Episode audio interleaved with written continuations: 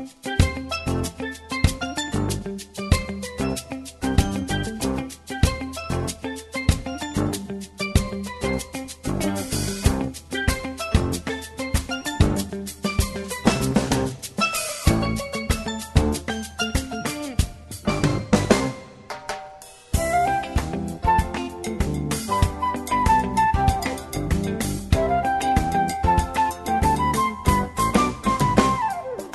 Velkommen og langt Og i dag får vi høre om en mann som gjørtest så strongt at han miste en stor part av sjånene kjassar.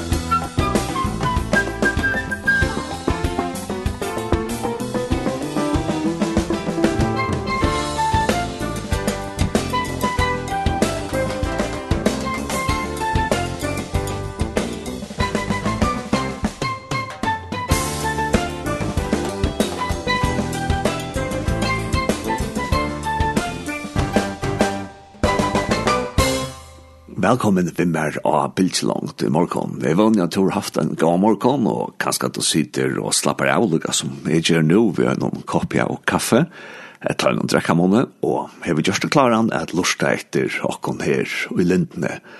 Hette sendingen av Bildslångt, og jeg øyte Johannes Myskær.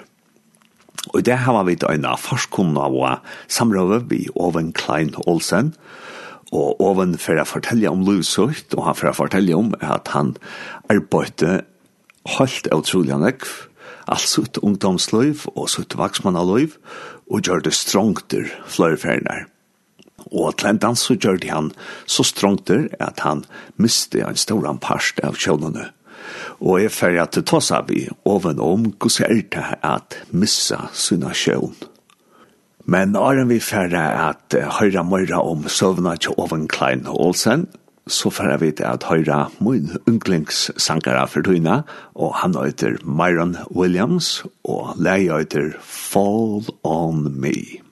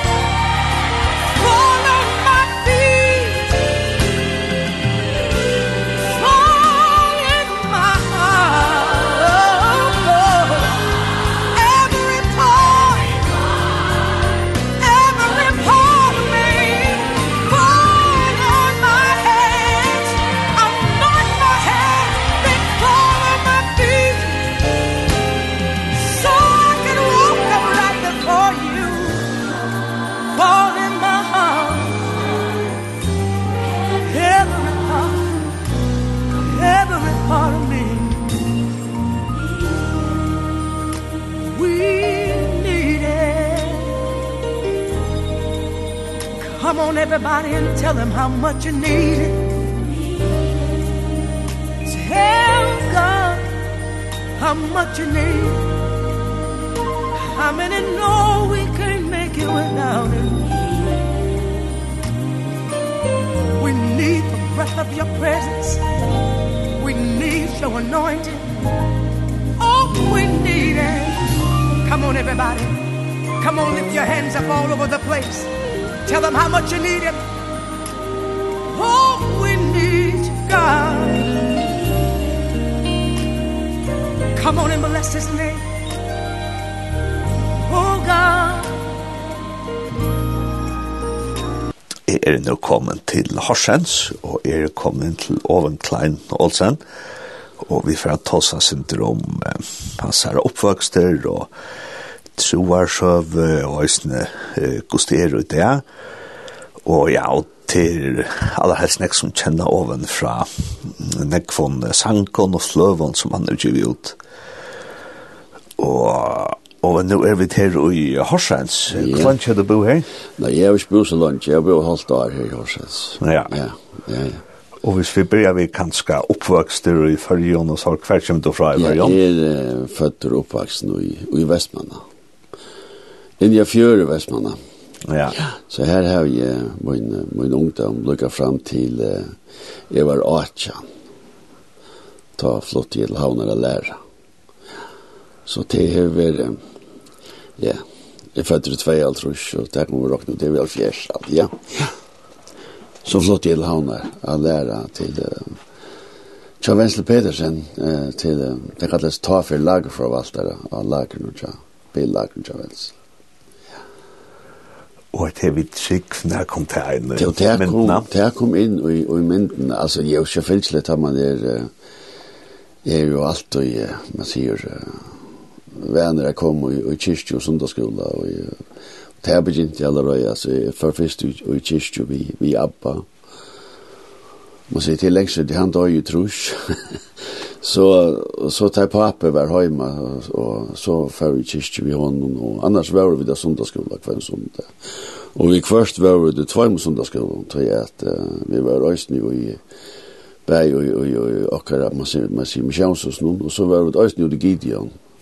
Då vet, inte bara som är tja, här som vi bo här bo Daniel då. Petersen eller Daniel så jag kan se som kallar.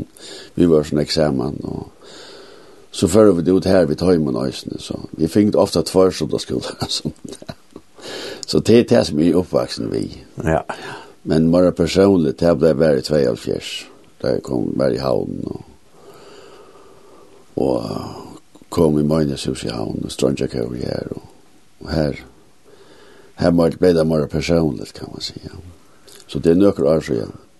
Og var det altså en, en, et avvist tushpunkt, det ble personlig til, eller var det mora lujande? Mm, det, det ble vær mer lujende, kan man si, men, men det var et, et, et møte i KFM hver og i hver det Jack, Jack omfirmer, hva det var det dreier seg om, kan man säga. Og vi tatt og ta hatt vi gynnsyn nok snakk og i, i manjas hus hver, hver, kvartor i heste, kallar vi han, Han var helt fantastisk til at fortelle okken unge om om bøyplene, og så det var sånn bøybeltømmer for unge han hei, og det var så livande at man sa det nesten fire seg, han var helt fantastisk. Og det, det gjør det mer livande for okken, kan man si, også unge var. Og så var det strøtjekøver, og, og man sier alle, alle som stod fire tog, og, og her i Jøknum, ja. Yeah det var här jocken kan man säga att, att man fann vägen där som man som man gånger ända där i det kan man säga. Ja. Og, og to uh, tekst og den er kvitt, han og i det. Er det henne som er veldig alle døgn, Ja, altså det er til det, det meste kan man si at det tar i man så blev blev gifter och og flyttet, flyttet til Kotlafjärd bygde hus i Kotlafjärd så så kom han og, og, og misjonshus i Kotlafiri og Og her hei i Strandjakauren, vi var godt, vi kvarst oppe av Møderhold Trusfolk og Strandjakauren, det var, det var viking her i områden, så det var nek folk som kom til Kotlafir her. Og her var løyer for Strandjakauren, så det var jeg sin til ta, men så i halvfems så flott til Danmark, men ta bare dem, uh, spalt ikke så nek, va? slett ikke, kan man sige. Og, Og ikke før enn uh, i 2006 da jeg miste min partner sjøvn. Og ikke fikk kjørsten, jeg ikke fikk arbeid eller hva som helst. Da, da begynte jeg å spille etter. Og, og begynte jeg å undervise og gitarspille og, og sånn. Så det, det er til li stilt enn jeg var, kan man si. Ja. Og da nevnte jeg at jeg tar to flyttet til Kattlaferer til Konan. Og, ja og bo her nå kvar, så var en vetching og kalla för kamen ja, du fra tog vetching. Okej, tam tam minnes man ikke, Det det största är faktiskt vi vi kjaltmøten fram i Alena vattnet. Har man vision hej kjaldmøter her framme og i jeg var ikke om det stod en fyrstande her som jeg viker og så kjempet helt der framme. Og, og det var missionärer och, och folk alla ställen från som kom och tälla där och, och det här var nekve sankor och musikkor det var nek som kom till undvändelse och det här var här en ankoner och kattlar för uh, seim og største skilte som hekk ur alt teltet så det Kristus er svære og det var lukka som det som som gjør det til at, at teltet var færre nye så begynte vi å røyse rundt og halda møte rundt i fyrjen vi, man sier, høyten og Kristus i Sverige, som så blei til, ja, nu, onker kallar det finne sekt, onker kallar det finne møynjøt, men det var bare en bølkur som røyste rundt, det var vid vi i òsne, rundt alt landet, og, og, og du vet helt at det her, det var forkjærst å stoppa det her Kolfradal, og så røyste vi rundt, og, og helt møte fortsett, og her fortsett òsne i Kotlafir, det var sånne folk, vi sjøs hos det var for lute, som måtte flytta møten i bygdhuset, det det tog mer. Og der kom folk alle stedene fra, og, og vi, ja, vi var jo alle stedene, Klaksvik og Sore, og Estrøyten i Havn, og alle stedene. Og, og du sier at det var en balker som vi tar som røst yeah, rundt, Hvor yeah. hver var du til balken, altså, typisk. Ja, vi var jo fløyt, altså Thomas Jul Aska, er lykka som han som, Uh, som uh, var Trøyta. Ja, som som som uh, var han som som løyte nästan till att och och kort kort ja vi så vi röstade när jag stannade runt. Men så lägger som så minka i täs synter och så så blev vi fortsättande i i Kotlafir och och och hade som möte kvar sån och kväll där och ofta vigeskifte möter. Så det här var det är var så lös att eh vi var och i och i Arne till hände så var vi då i Strandjakärnan och i Havn eh är och och en som heter Amfendam og, og Kaifen Hammer og i, fra Hove. Og, og vi, vi var nok nekva stedene rundt og, og, og lurta etter et sanje, men så begynte det ut i evangeliehusen, nei, unnskyld, Philadelphia, jeg spela med taunlag vi lettersk instrumenten, og, og så helt vi det, så skulle vi prøve å ta øysene, og så kjøpte vi det, jeg kjøpte letterska gitar og forsterskere, og og Kaifin et orkul og forterskar og Amfen bass og Men vi slupp skinn her stedet. Det var ikke veldig her, og det var fornærmende, så det der, ja. Og så fer vi til Kotlafyrir og kart og nei for Adrian. Så sier Adrian, jo, jo, hvis vi leser gamle testamentet, så hørte det mer instrumenter enn dette, sier han. Kom bare, her er onka pauker og sånn, men her er nek vanna, sier han, kom endelig, ja. Og så starta vi opp på Kallafyr vi vi er är elektriska instrumenten och strandjackauri og og her kom folk ung folk alle stedene fra för høyre og kom spille på sig elektriske instrumenten. Og det er liksom som var startskottet til til väsingen i Kallafyr kan man säga och strandjackauri störst strandjackauri. Nei, Nekvast det vi kommer rundt her, fikk vi det vite at noen tid ikke spiller for herst og etter her. Særlig hvis det er noen kyrkja, så kom prester og sier, pass nå på til at det er gods hus, det vil ikke være larma for nek, Så vi skru av og nyer og sånn, så det. det var nytt da, det var nytt da, ja. Så vi det var oppleva nok nek, av, av tog som var, tog togjen her.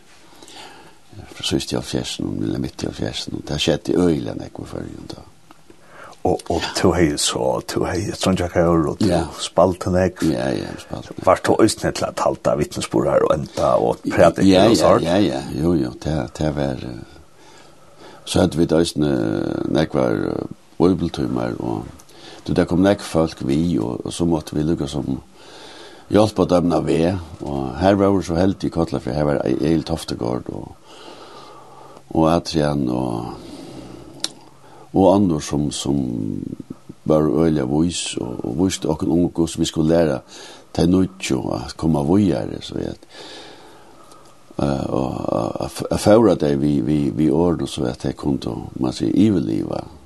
Det er det som alltid jeg sier øyne finner at det er en nøyfrelst, og det er akkurat som at være nøyføringer.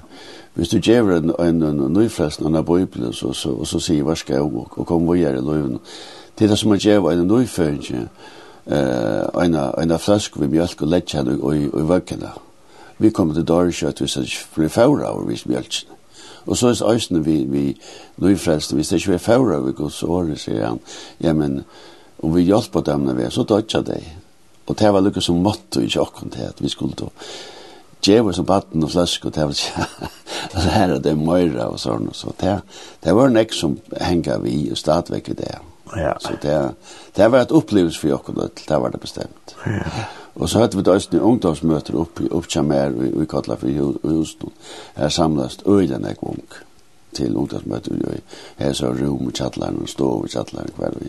Ja, det var folk kvar för vi hade ungdomsmöte och bönamöte här. Och så. Det kom alla ställen från.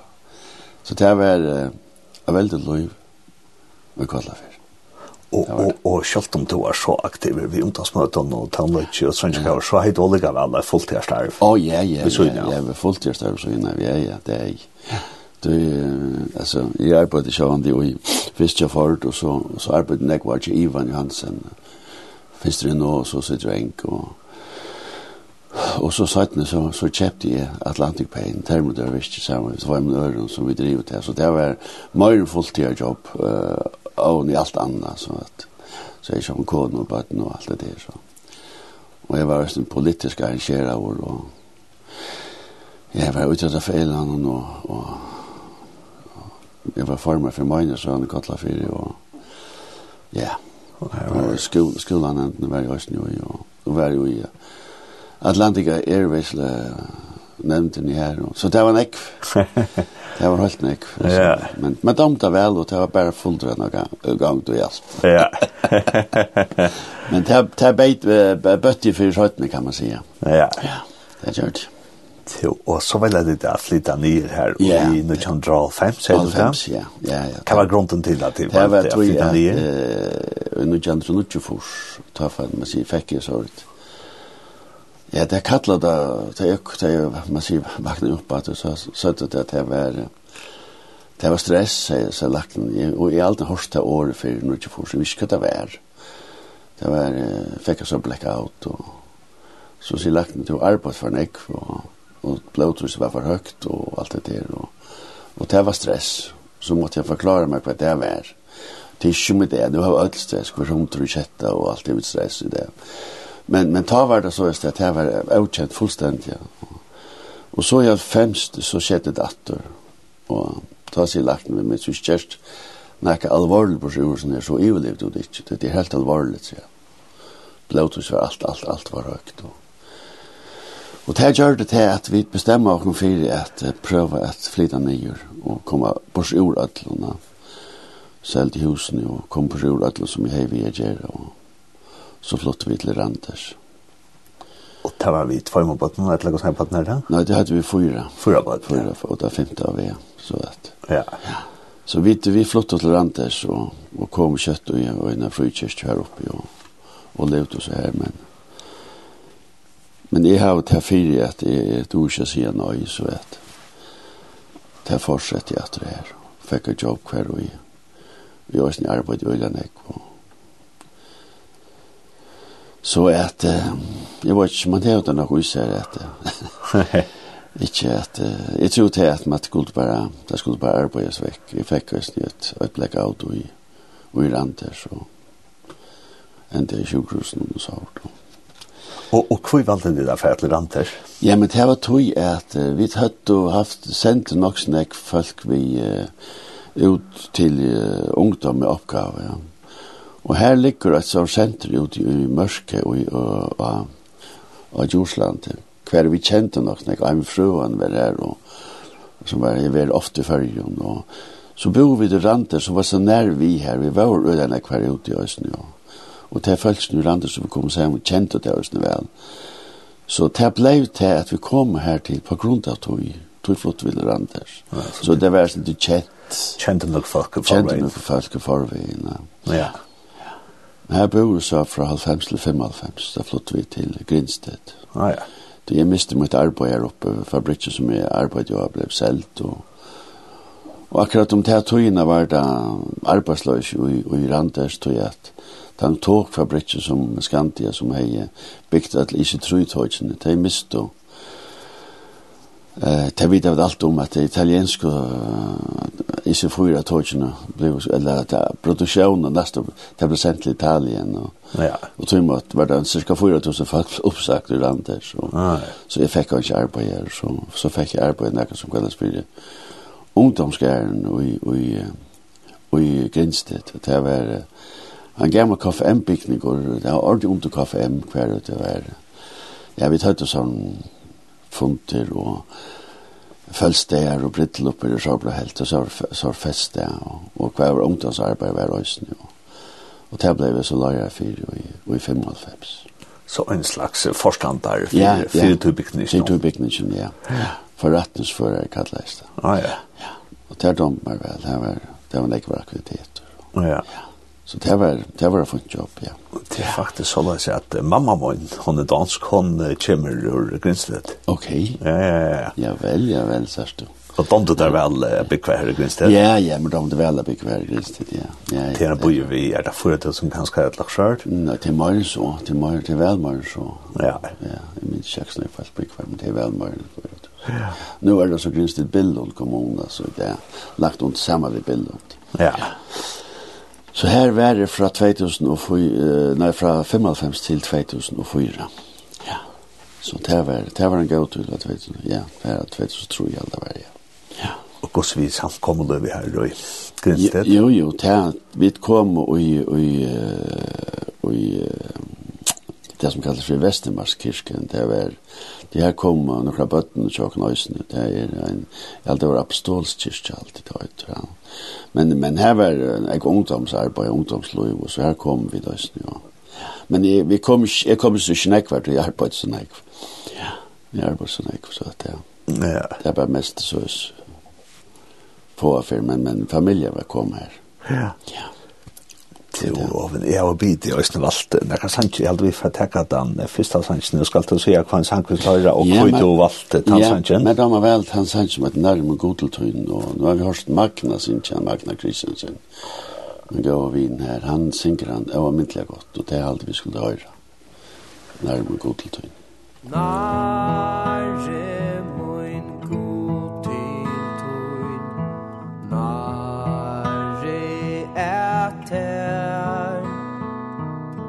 Ma e en krossen tuin Bera a mer Ljöa skal harspa muin Na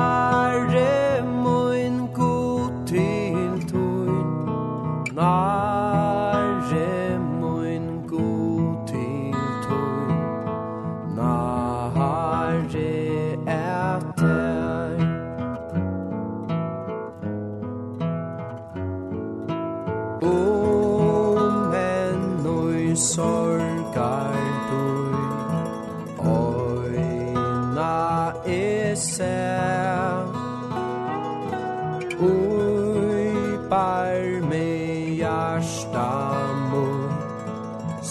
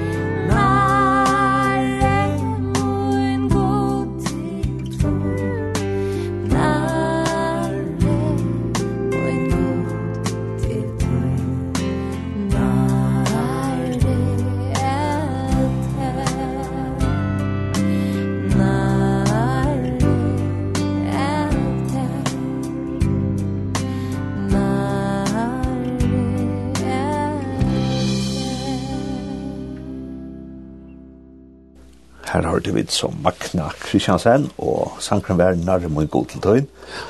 Og etter en sanker som Oven Klein Olsen har valgt, og jeg sitter her i Tjahanon og i um, Horsens, og her er særlig rom, uh, Oven, eh? ja, ja.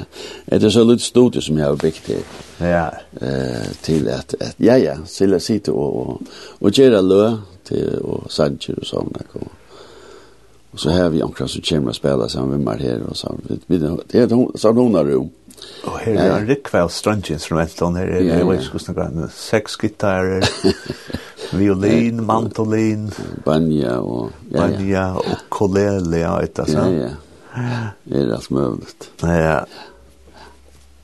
Till och ja, vi sitter och tassar om om om uppväxter och så och så blir vi Danmark över och vi tar akkurat er en Arjen Sanchen Jamakna ta som tøyna och i grunnsted. Ja. Og hva flottet ditt så at man till det i grunnsted? Jo, nej, det var så løys at i 2000 og og troi ta Och det är i arbeid som jeg, og jeg var lyd i høyma, og jeg har faktisk arbeid jo med omrik, kan man si. Jeg har også i Grinstedt finnes jeg flere avværinger, og Og jeg er så lova, man sier konen, at nu, nu skulle det bli bedre tøye, men det helt man jo ikke, så at 2003 ble vi skilt.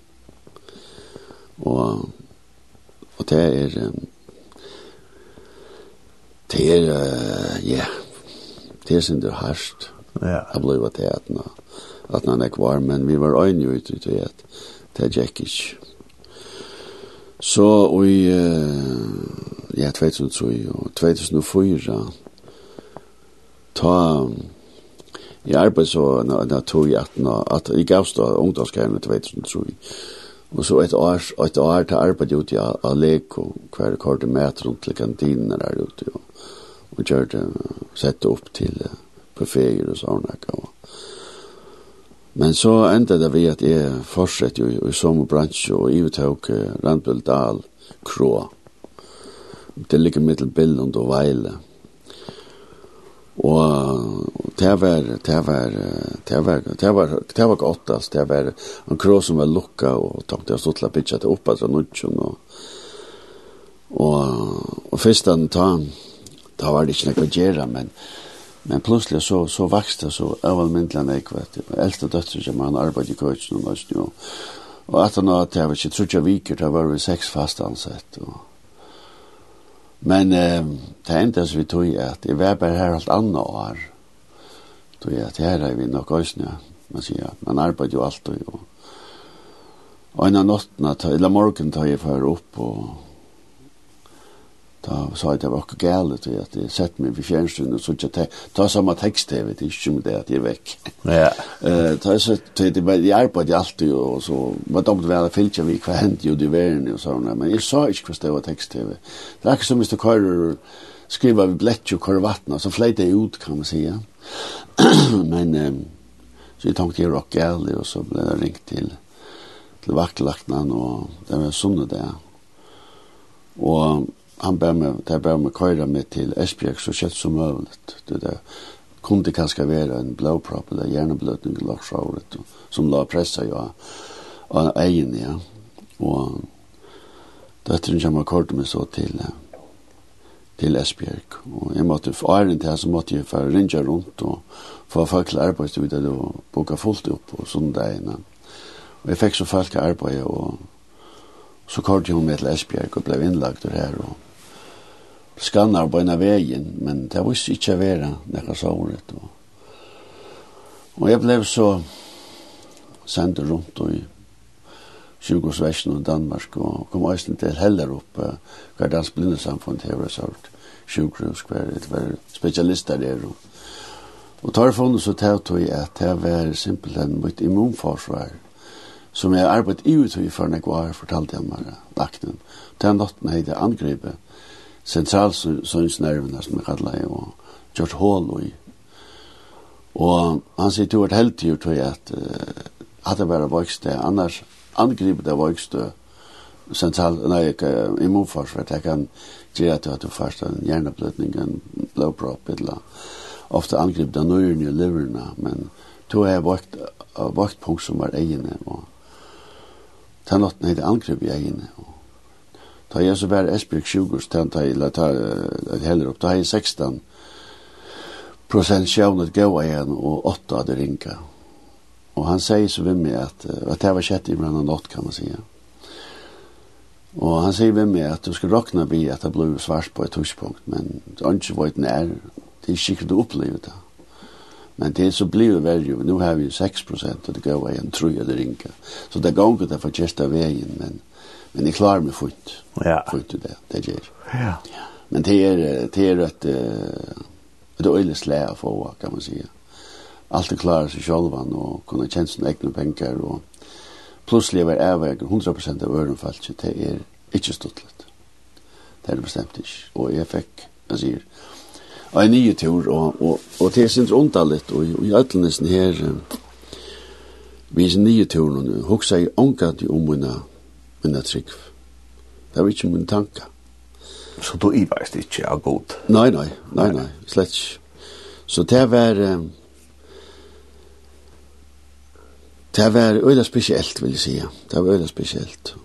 Og jeg la av sjukhusen, og ene fyrir var innlagt, og vi hei tarmslunk, og Og det var forferdelig, da tror jeg skulle dø, At, og tale blei bare boi etter kontakten ble slokk, og jeg var pura rævlig, og det var ikke panikker i mer i høver, altså. Jeg bor bare til, jeg følte så ikke at kontakt skulle slettes, men, men jeg ble så, det ble så ivestegg, det funnet seg til hva det var, og vakna i etter, og ta var det kom sammen, at han at her var det at eh, Jørlef går til Kotla for å kontakte meg etter, han er så mist forbindelse vi, og mitt bo og nabik var, og, og han er jo gjørst en forferdelig rikva sang.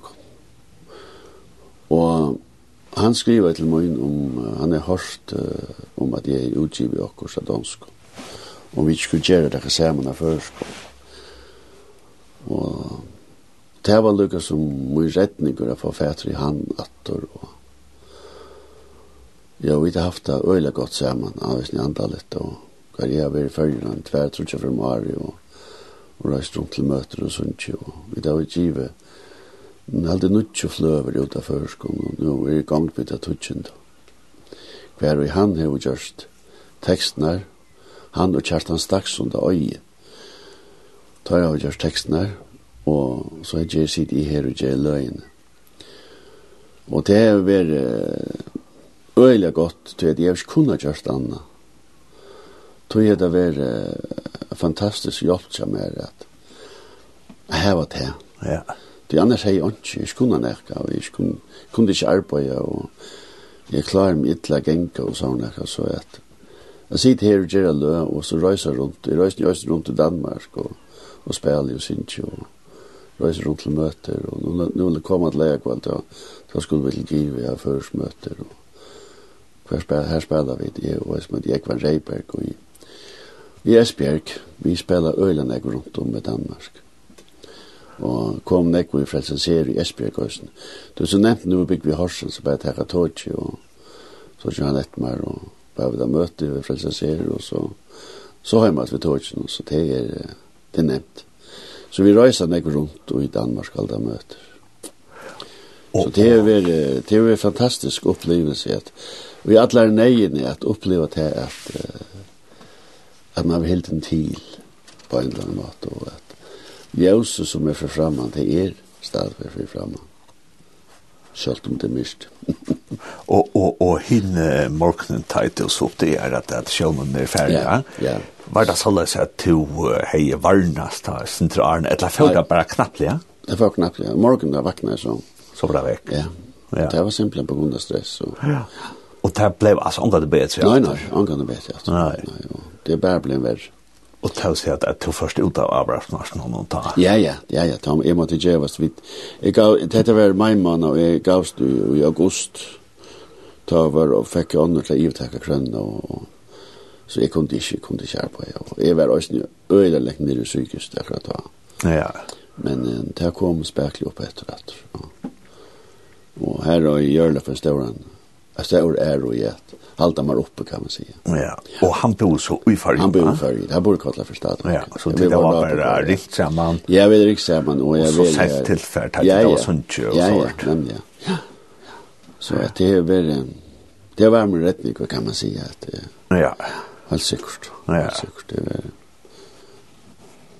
Det är väl gott att ha en som han. Och det här var en en man säger en barnatrick stadväcka. Ja. Og, og til sier så at, at under atleis her er sjukdomsperiodene fra tøy til eh, så blinder ta og nå gong ta verdi at at to to altså to har alltid blitt god og vita god er der. Ja ja ja ja.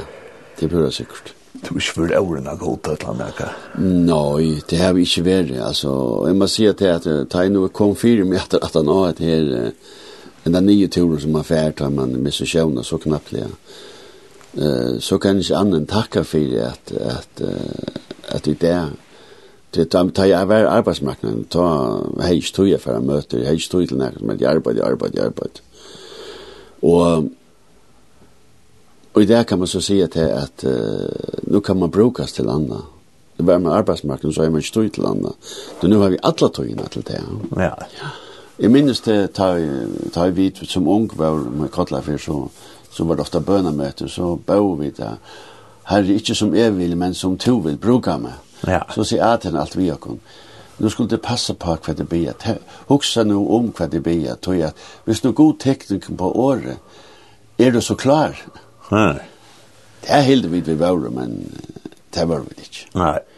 Og hatt det kommer ofta framfyr med det. Det kan være at uh, han har hørt uh, mina bøn og, og sa, okej, okay, nu stedje hon for nu kan jeg bruka han. na? og jeg føler godt at jeg, at jeg kunne brukt till näck fast vi vi ödlor som sanken og jeg har gjørst og løven jeg har gjørst og og jeg vet at uh, selv om uh, det sverste er å att bedöma sitt egna vers kan man säga men jeg vet at det er flere som har vært uh, glad for det. Du, jeg var i fyrjun og, og helt min halvfjerdsar av føringar den her i oktober og vi kjøres til Kotlafyrre. Og det er en fire vi gikk her og, og dekka og bor er og, og soneren og sviadøtteren og abbadøtteren og så gjerlef og sånn og så ringer uh, kona Svenninga Lofte til Gjørlef og så sier Gjørlef med vi henne, du kan snakka vi, han er her jeg vet ikke hva det var dreier seg om jeg har så ångat du møtt dem så løs Så sier hun at uh, de skulle ta tannveien jeg oppe i hus, om de kunne komme inn og, og helse på meg. Så sier jo til å velkommen. Og Svenning og konan, jeg vet ikke hvordan det ut, men, men de kom så. Og Svenning helse så en, en røv her, og da ble vi nok så iverrasket, og kan man si til at han, han sier til at Sverre for teier køyre rundt i følgen og ut og halda møter, så så her var det mine fløver uh, littjande av fløvespillene i bilen til oppbygging der det er av vei ut. Og det, det må jeg si at det, det rørte meg av myndelig kjøpt. Så ja, så vet man det, det som man har gjort, er til sikning for jonkrene. Ja. Og bare øyn kan få godt av det, så, så er det vunnet, kan man si. Ja, ja. Og det her gjør det meg også godt, og jeg har øyne fra øren at, at det har hever til sikning nekka du som han er kjørst. Så, så det er glad for, øyla glad for. Så det er uh, positivt kan man si. Ja. Og, ja, og nå kommer vi fra en tradisjon her vidt eh, bia for sjukona og bia om at, at gå man grubb inn. Ja. Eh, og til vel løsning gjørst ut tunnar større, ja. Å, ja, ja, ofte han jo. Og her, her kan man minnes at det er i hest, jeg vet ikke om du minnes det. Nei. Nei. Han hei han hej lejekt. Han gikk vi tvoi mun høtjon.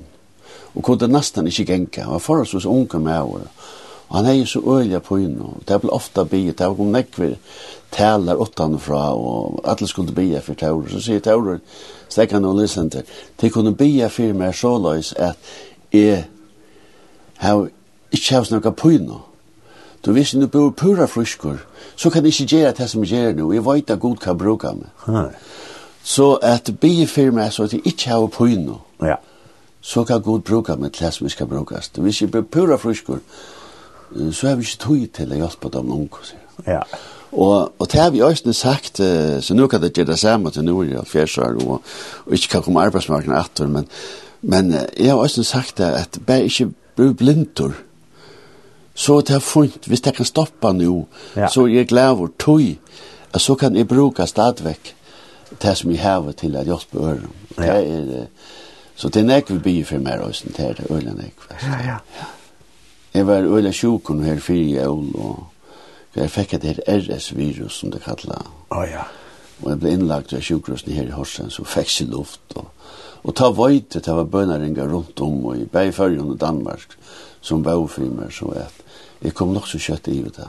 Ja. Fikk luften atter, men til først nå for en vik og først der så igjen at at jeg er på, man sier, fotla hatt atter, men annars det var det øyelig hardt å komme. Og ta var det fløyer som bøy for meg, det var ja. rundt om, og det er virkelig godt å vite at det er folk som blir firma så så tror jag för skuffa över att att att ta folk har be om att du måste få sjön natter och så fick de inte så det skulle skuffa över det. Nej, bestämt inte. Och helt i vasta god. Nej, nej, i rörs tror jag att vi kan kan bruka mig till situation som är det nu så är det en plan vet du ja.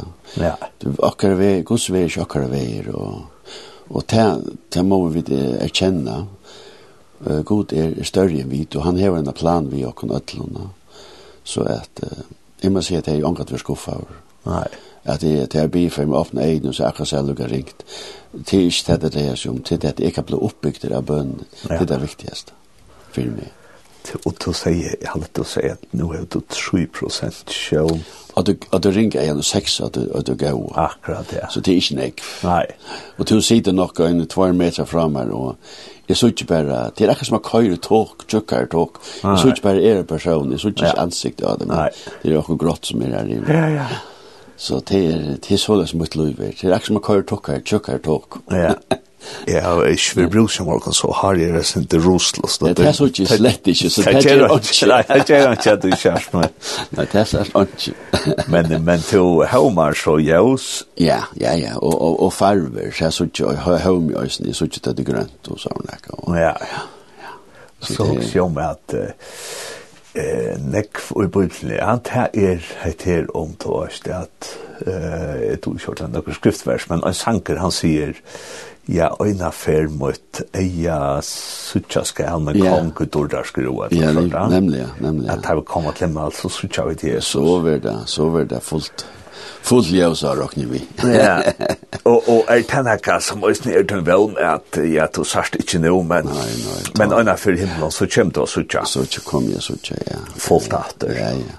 Ja og så jobba bøttene som du kanskje ikke kjøver. Ja, ja, det tar... Så jeg er sånn ikke nå. Nei, nei, det er nemlig det, ja. Men jeg er glad for at, at jeg kan høre deg og, og, og snakke, og vi snakker vi folk, og du tar dem av vel, og, og ta så vi folk kommer rundt om, og sånt. Ja. Så det er jeg glad for, men jeg, jeg, jeg har funnet her, tror jeg, at, at jeg kjenner vel stemmer, at du. Ah, ja, ja.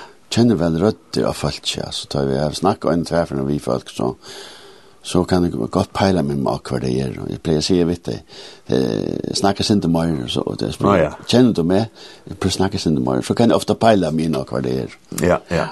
Så det var ganske kjørspa tannsansen. Ja, tannsansen er kjørspa, ja. Det er ja. bestemt, altså. Ja. Og, og et her vi, vi jause og liter helt denne kan tuttning for det? Ja, altså, for eksempel om vetren, det er kæv jo sol, det är förfärligt för jag är inte så ljøsfølelse. Ja. Men annars uh, annars uh, huxar ikke noe om det. Jeg har solbriller så ett som vi ser det for skarpt ljus. Ja. Kanske ofte vi vi vi vi kassett eller så där for vi har skugga så att solen ikke lyser i ögonen. Ja ja. Det är och tog tag kom til färger da har vi nesten alltid solbriller til ljøs i färgen. Är skarpare inn henne. nu. Ja. Nästa skarpare. Ja. Så her har vi ofta solbriller för att lika som det er faktisk ilt i egen, eller øle bøver i egen, hvis det er for fornekkelig ljøs. Man tar vel av kjekk for noen av ljøs og reflekterer. Ja, ja, det reflekterer og så, det er helt annet ljøs i følge enn det her, ja. Ja, ja.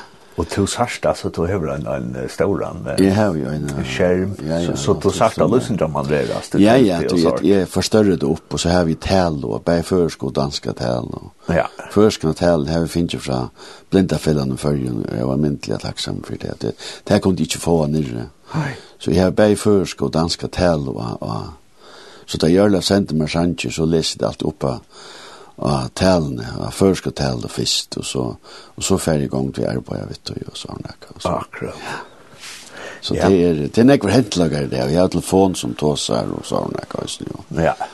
Så det er finnas så slä. Bara det bara det te skriva där danskon te föringen så skriva till mig. Så skriva det förskon så skiljer ju inte ut det hon läst upp på danskon förskon att det är bara volla pucka man säger.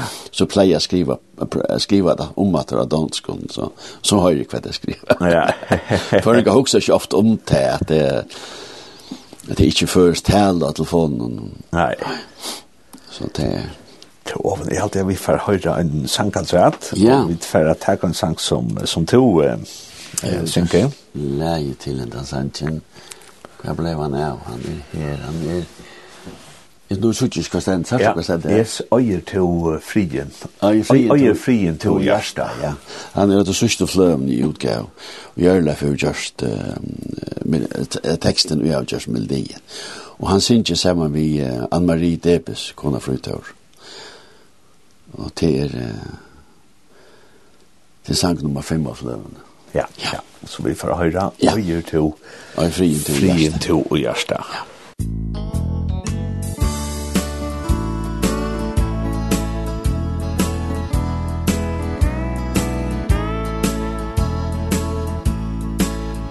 Øyer flyen tu i hjärsta Ankar Jesus Kristus gär tid møttes her av innom Og Och du tungar birar bær Anta säger kom til vår Jag skal hjelpa här av er Löjt och a det som vi skriva Og vi vil vel signa til Löjt och a det som vi skriva og i vi velsigna til. Du er sart og lav i vegin Her han ratt i brauer hånd. Reist i ator te og føtor Og til knut og vinar barn Hver en leit og en bera foldon Her vil han elska tær. Kvæten møter tær og veno Ta er han alt og i nær. Kvæten møter tær og veno Ta er han alt og i nær. Læta næka helt her fora Og jeg gæt mellan tung og brøtte Han vill stia til Om du gjevor honom møyra Du fra honom møyra fær Han av nöjet hennu elskar. Og en signing gjevor tær. Han av nöjet hennu elskar og hans signing djevor tær. Om du tyk vor honom fylgje er at uine løsens lei Medan alt og vera vit her Hver ui en løy tøyn ber. Og ta skøy runne her Du skal hon og vera tja Løsens krun og ta to vinnur Og to himmelen skal nå. Løsens krun og ta to vinnur Og to himmelen skal nå. Løsens krun og ta to vinnur Og to himmelen skal nå. Her hørte vi så en sanka og søste flåne til Oven Klein Olsen, og jeg sitter her i Horsens, og ja, og jeg husker nå Oven at oss om Hette er vi kvett og tekst vi nå, og du kommer rundt og spille berge i Danmark og Førjona. Ja, ja. Jeg kom nekvæsten rundt her i Danmark også, og Og det er ikke, alltid til møter, altså jeg brukte nok nek til, til fyrlester rundt om. Jeg skal nå her, nesten mye der, skal jeg til Grinstedt uh, halte en fyrlester, og jeg kan kalle fyrlester mer tilbake til livet, det er dansk om det. Ah, ja. Og det er gus jeg, kan, jeg kom at til firme, gus man kan leva vid en her, en handikap som jeg har, ja. ja. Og ta jeg ble sjukker, og ta ta sig lagt med vem jag tog kan bära kontakt en psykolog så kan du komma för det att då. Och då är väl ölar heter ölaring psykiskt men jag fann helt och att en psykolog och han kostar i mitten 500 kronor kronor timman och fick jag vita att jag skulle ha touch för och och det är ju rätt till. Så fick jag det så läs att jag skulle skriva tankar nio som jag fick. Ja. Positiva och negativa tankar. Ja Og det gjør det så, hver for jeg fikk av sånne nye tur, så skriver jeg det. Og så kom det til meg at jeg skulle prøve å gjøre det til Sanchez, og det gjør det til at jeg gjør det en rikva sankum, i starten med henne, jeg kom fire meter, og, og så innes ned fire som jeg halte, uh, synes omkring sankum også, som jeg gjør det ta.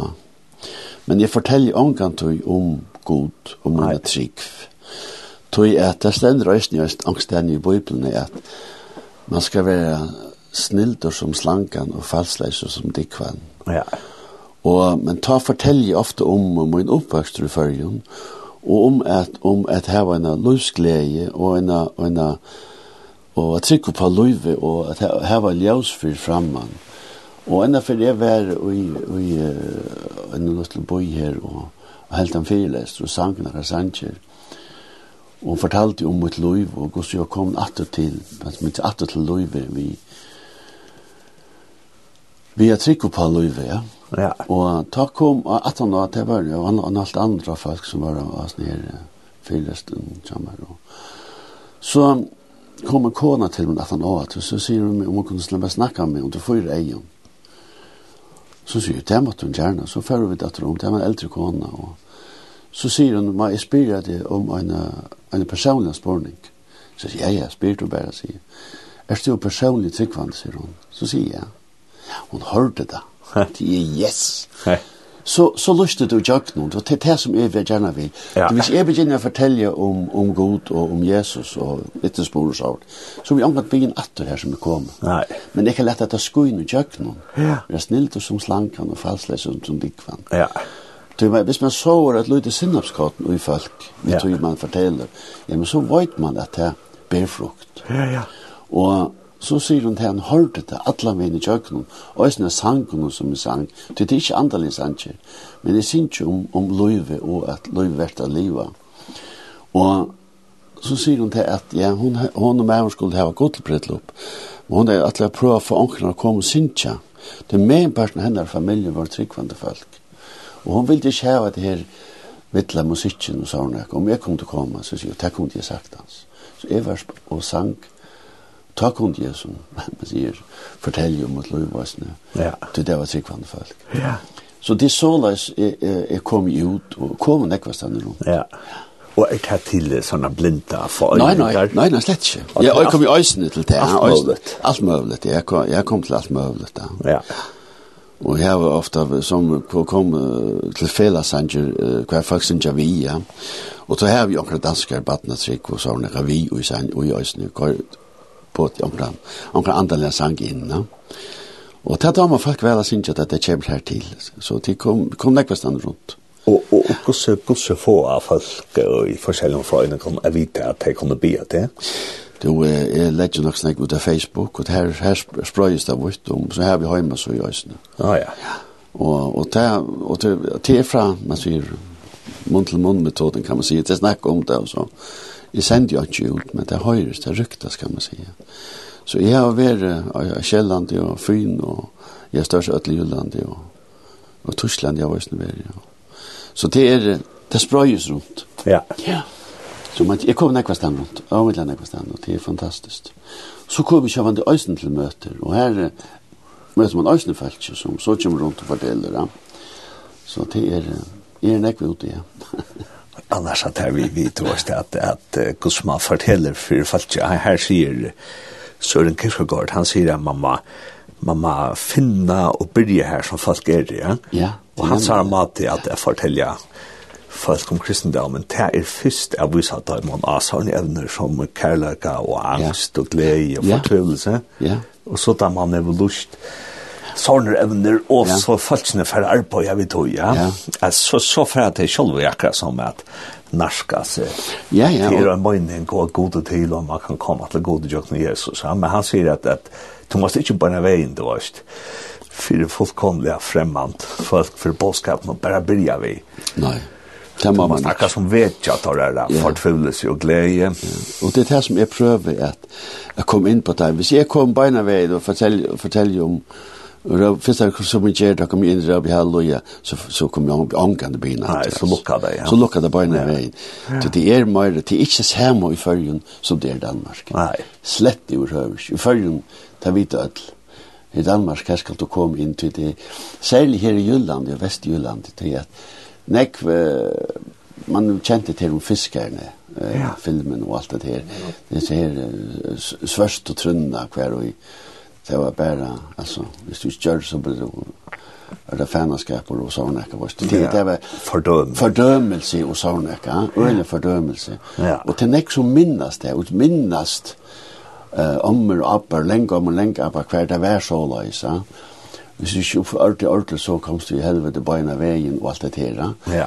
Og, og, og til, til, til det man skal lykkes å komme og, og prøve at det er... Kjempe imot det. Man kan kjempe imot det. Det er, det er, det er, det er, altså, vi fikk åt på, og til det er virkelig gøy hver annen. Ja. Elsk hver annen innlig av hjertet. Ja. Det er det eneste bøy vi det av livet. Ja. Og hvis vi ikke gjør det her, hvis vi kom inn i klantor og, og, og klammer og, og sånne, det, det dår ikke, så har vi allerede ferdig for at det første båden vi finner. Ja. Og vi skal elske hva annan innleggast. Ja. Hvis vi ikke gjør det, her, ja, men så, så kunne vi ikke komme ut og fortelle gledebordskap. Fortelle glede om gledene. Ja. Så at, det, det er det som jeg prøver til å ta det så kommer til til møter og sånt er til altså til først møter til du sagt men er det også til dansk ja også til dansk møter ja ja. Og det har brøkt og ja så då i landskapen er det bare intermisjon og pinsar og alt det ja jeg jeg kom her som vi bjør av ja. Ja ja til til nekk år siden før tomt det ja. Tog jeg som jeg øyne frist seg vi øyne og til vi vi har ikke basar i himlen. Nej. Nej. det är inte basar. Det var det att sier. säger himlen är inte basar. Ja. Kikk för nummer hattar och kik för nummer hattar. Det er ikke basar i himmelen. Nej. Och att det här är östen pura sanna til er, vi skulle gå och hver annan. Ja. Så vad kan man ikke pröva man ikke för öjnjör. Men man prøver ikke å ta oss om det som kilor. Man kan ta oss om det som binder sammen. Ja. Jeg vet at nekva sted er det at det er vi vaksta man det oppi og batna det oppi og alt det tungetal og ikke tungetal og alt det der. Det var ikke nekva stedan, men man prøver ikke å tås om det da man vet at det kommer folk alle stedene fra. Så kan man tås om det som bedre sammen. Hitt kan man heva da det er mer internmøter og sånn, oppi kika møter og så, innenfor møyne og Ja. Og når jeg kom i alle stedene, det var en så hver det er, og jeg sier, folk er kyrstjødlet det er, pinsamanje og det er, det er. Ja. Vi kom av Alltså det möten som jag ofta kom till till er i Åtense tja fryttaur här är ju vi kvarst och frytta debes och så är vi vi tar veri veil nok snäck men det är så flott till given nu. Här ska vi ta alla här kvart först för och så kommer frälsen her i Esbjerg. Och så i livets kilte och i, i Esbjerg och sånt här mara pinsamanja som är ute Så det här som jag kom med, och jag är inte kom när jag hörs ens än, men Men det er også i Horsen, så jag ska lukka finna till vad det er først og sånn. Jeg var ett frälsen ser er i Horsen, så här att man kommer just. Og nu til enda så får vi at Tossa Center om uh, ja, tantalløgjen som man gjør. Og to har vi givet vært av mye flover ut sammen med Your Life, her Ja, Og hva var det merka, så er det nå? Ja, ja, vi tar øyne avbeding nå som skal komme her og i Ja, jeg var ikke så sørst, og jeg var etla, etla, etla fyrst i 18. sommerferien. Jeg er ikke alltid klar i det, jeg valgte skulle ta fra genka. Og, og jeg finner ikke tølv tekster fra Jørleif, uh, nekker som han har gjort, og nekker som Kjartan Stakson har gjort. og her sitter jo gjørl, og ja, så gjørst kjell og hvor vi er. Og jeg er så heldig at han produseren som jeg har haft og, og, og, og i nekvar, han er flott til Horsens høysen. Og vi har så gjort det samarbeid nu er at, at musikkeren vil spalte inn i, i Rånon, men han bor jo så nere midtbyen og Horsens. Så her er det larmer. Så vi spelar musikken inn, og han kan spela direkte nere i Rånon. Og så kommer han her nye i studiet som er hver vi så synes inn.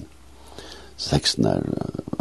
Og det, altså vi, det, jeg har sendt honom fyra lø om han. Nu hva han sitter og, og, og, og spiller vidt han nu her nere. Og kommer vi i det jo.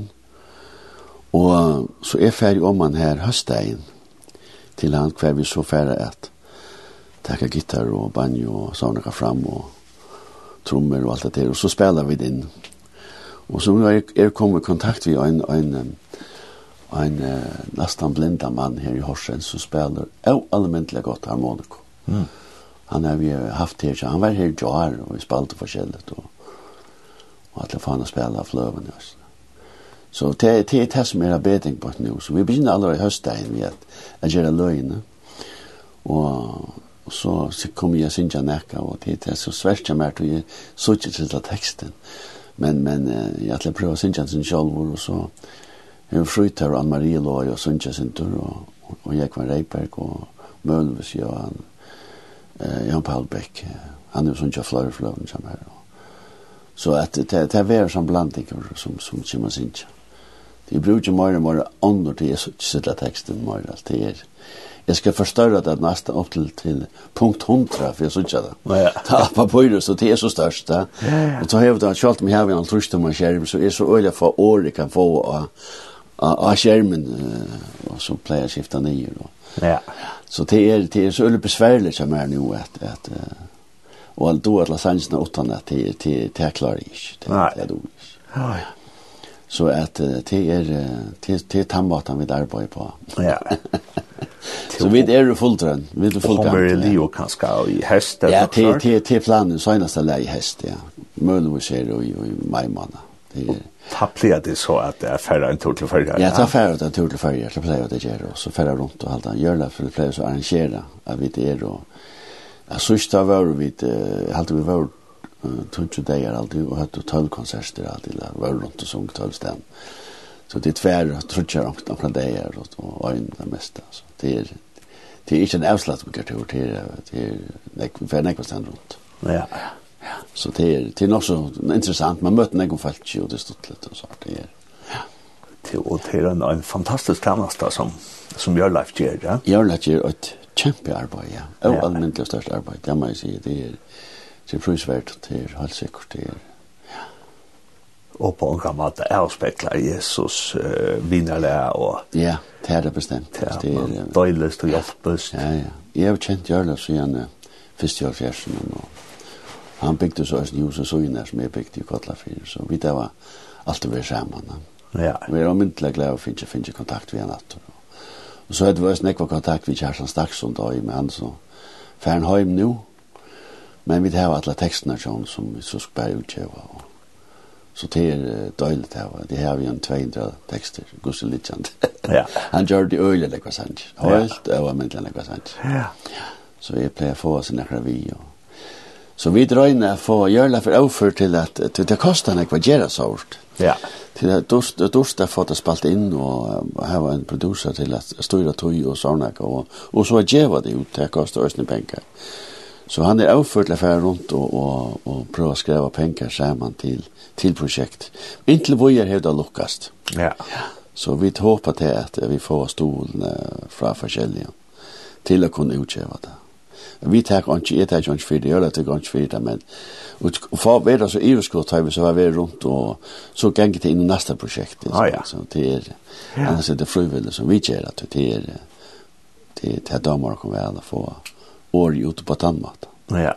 Og det er løgene som vi gjør, det er ofte løg som Jeg pleier at her var det i hoen at hvis du setter en, en, en fløv for åkken av, og du ganger hjemme og støvsukker og gjerst åkker, så skal du kunne synge det nesten bøyne veien. Så det er ikke innviklet i lø, altså det er mer. Ja. Og det er alt nødvendig lø, til, til pura nødvendig tøvnløkker. Ja. Så det skal være så, det skal være nevnt, Så du har chansen att möta så ska du kunna synja nila i vi nesta bøyna vei. Du har texten bøyna vi. Eller eller melodien går i bøyna vi. Det är det som är lätt med etter. Ja. Det ska vara øyfast. Ja. Kus hvordan er avgjør det för Sanchez skulle være i land av løve? Er det et tema?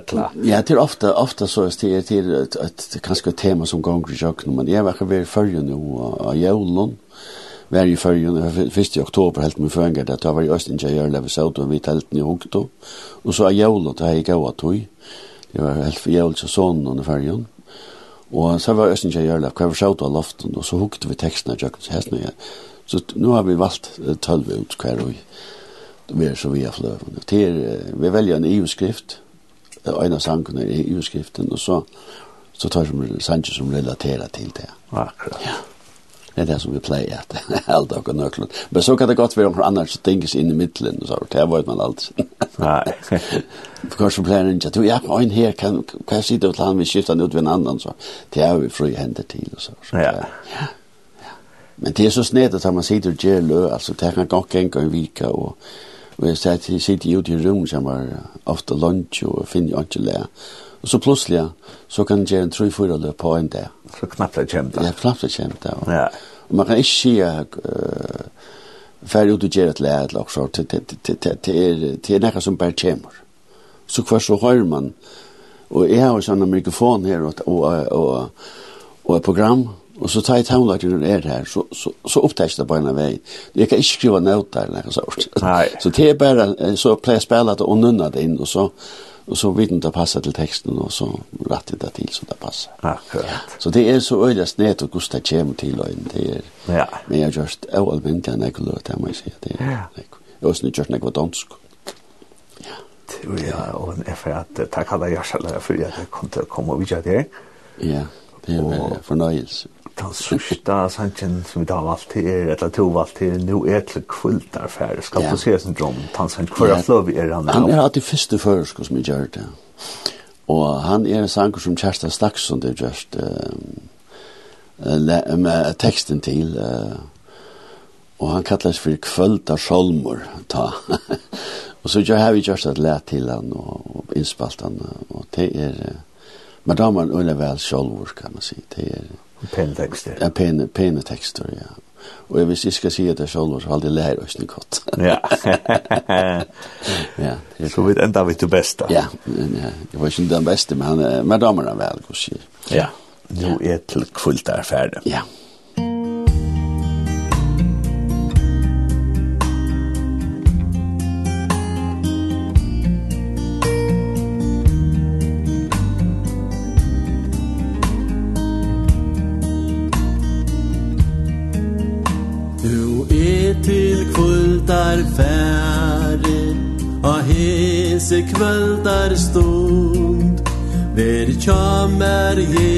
Jesus kære Gjev mer ein trykkan blod. Lät engla vakt me verja Tja tæra hese nåd Om önt vil a me her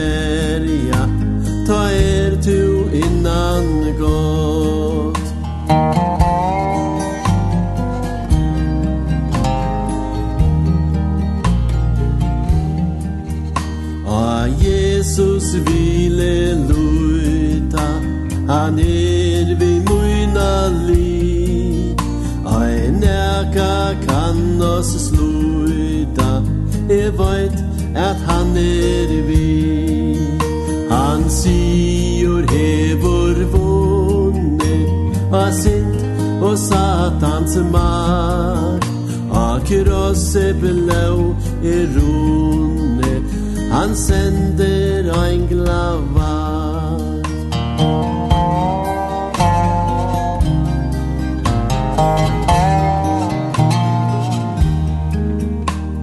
Frelsa moiner voren Moin Herre Jesus Krist A arme tøynon boren Ta vaide fullt og vist Tu hevor vevn mer vonne I sæt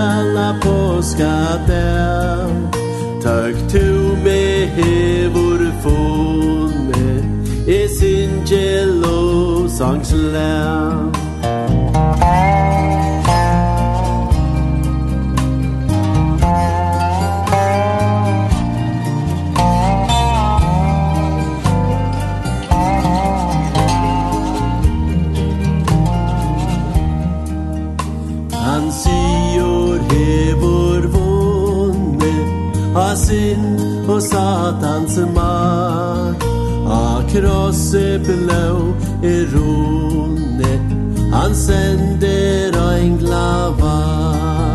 Han sier hevor vunne A sint og satans ma A krosse blå er rone Han sender ein glava.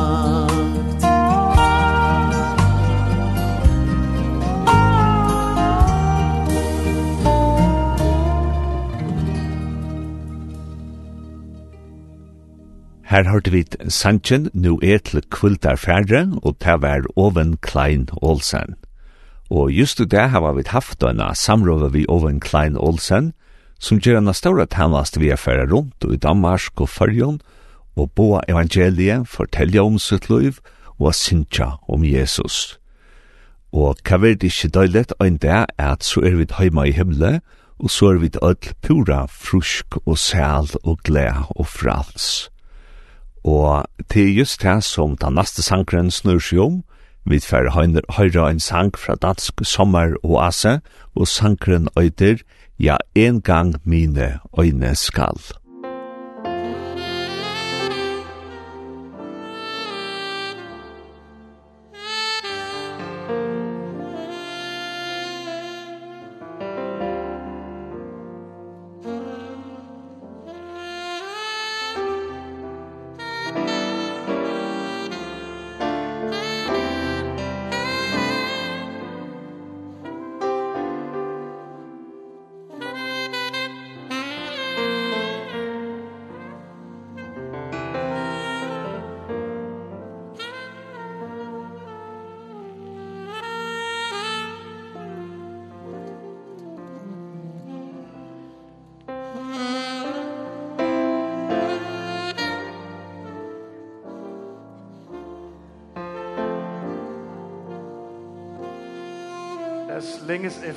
sammen.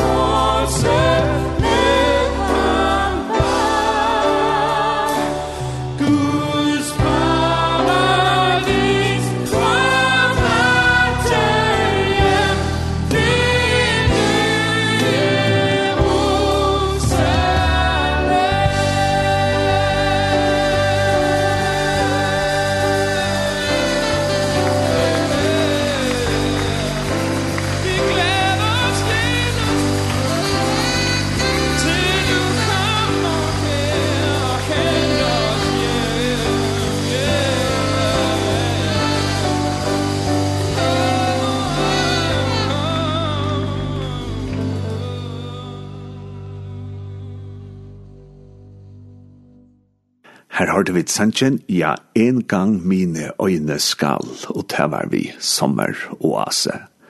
Og vi tar var hørst uh, prat vi Oven Klein Olsen, som nettopp er bliven så å si holdt blinde nå. Og just det som sankren, ja, en gang mine øyne skal, han boar oven, er at øyne det, så fer han hans utjater. Og Og han letra inn opp, så fer han a sutja ta besta av atlon, han fer a sutja Jesus. Og vi da eisne hørst og oven hever fortalt om at kjalt om sjånen er færren, så er hans her eier leten opp fire øron og løyven fyrir da man tøkte samband noen, fyrir å fortelle om Jesus, fyrir skriva skrive sanger, og fyrir at bo øron om Jesus. Så vi da var en stor god. Men etter kjem er er bare at innskjatt her en gåan dag og gods valgsikning, lukka mykje vi hver kanska tustrujustui og i tøynon løyve. Jesus fylgje der.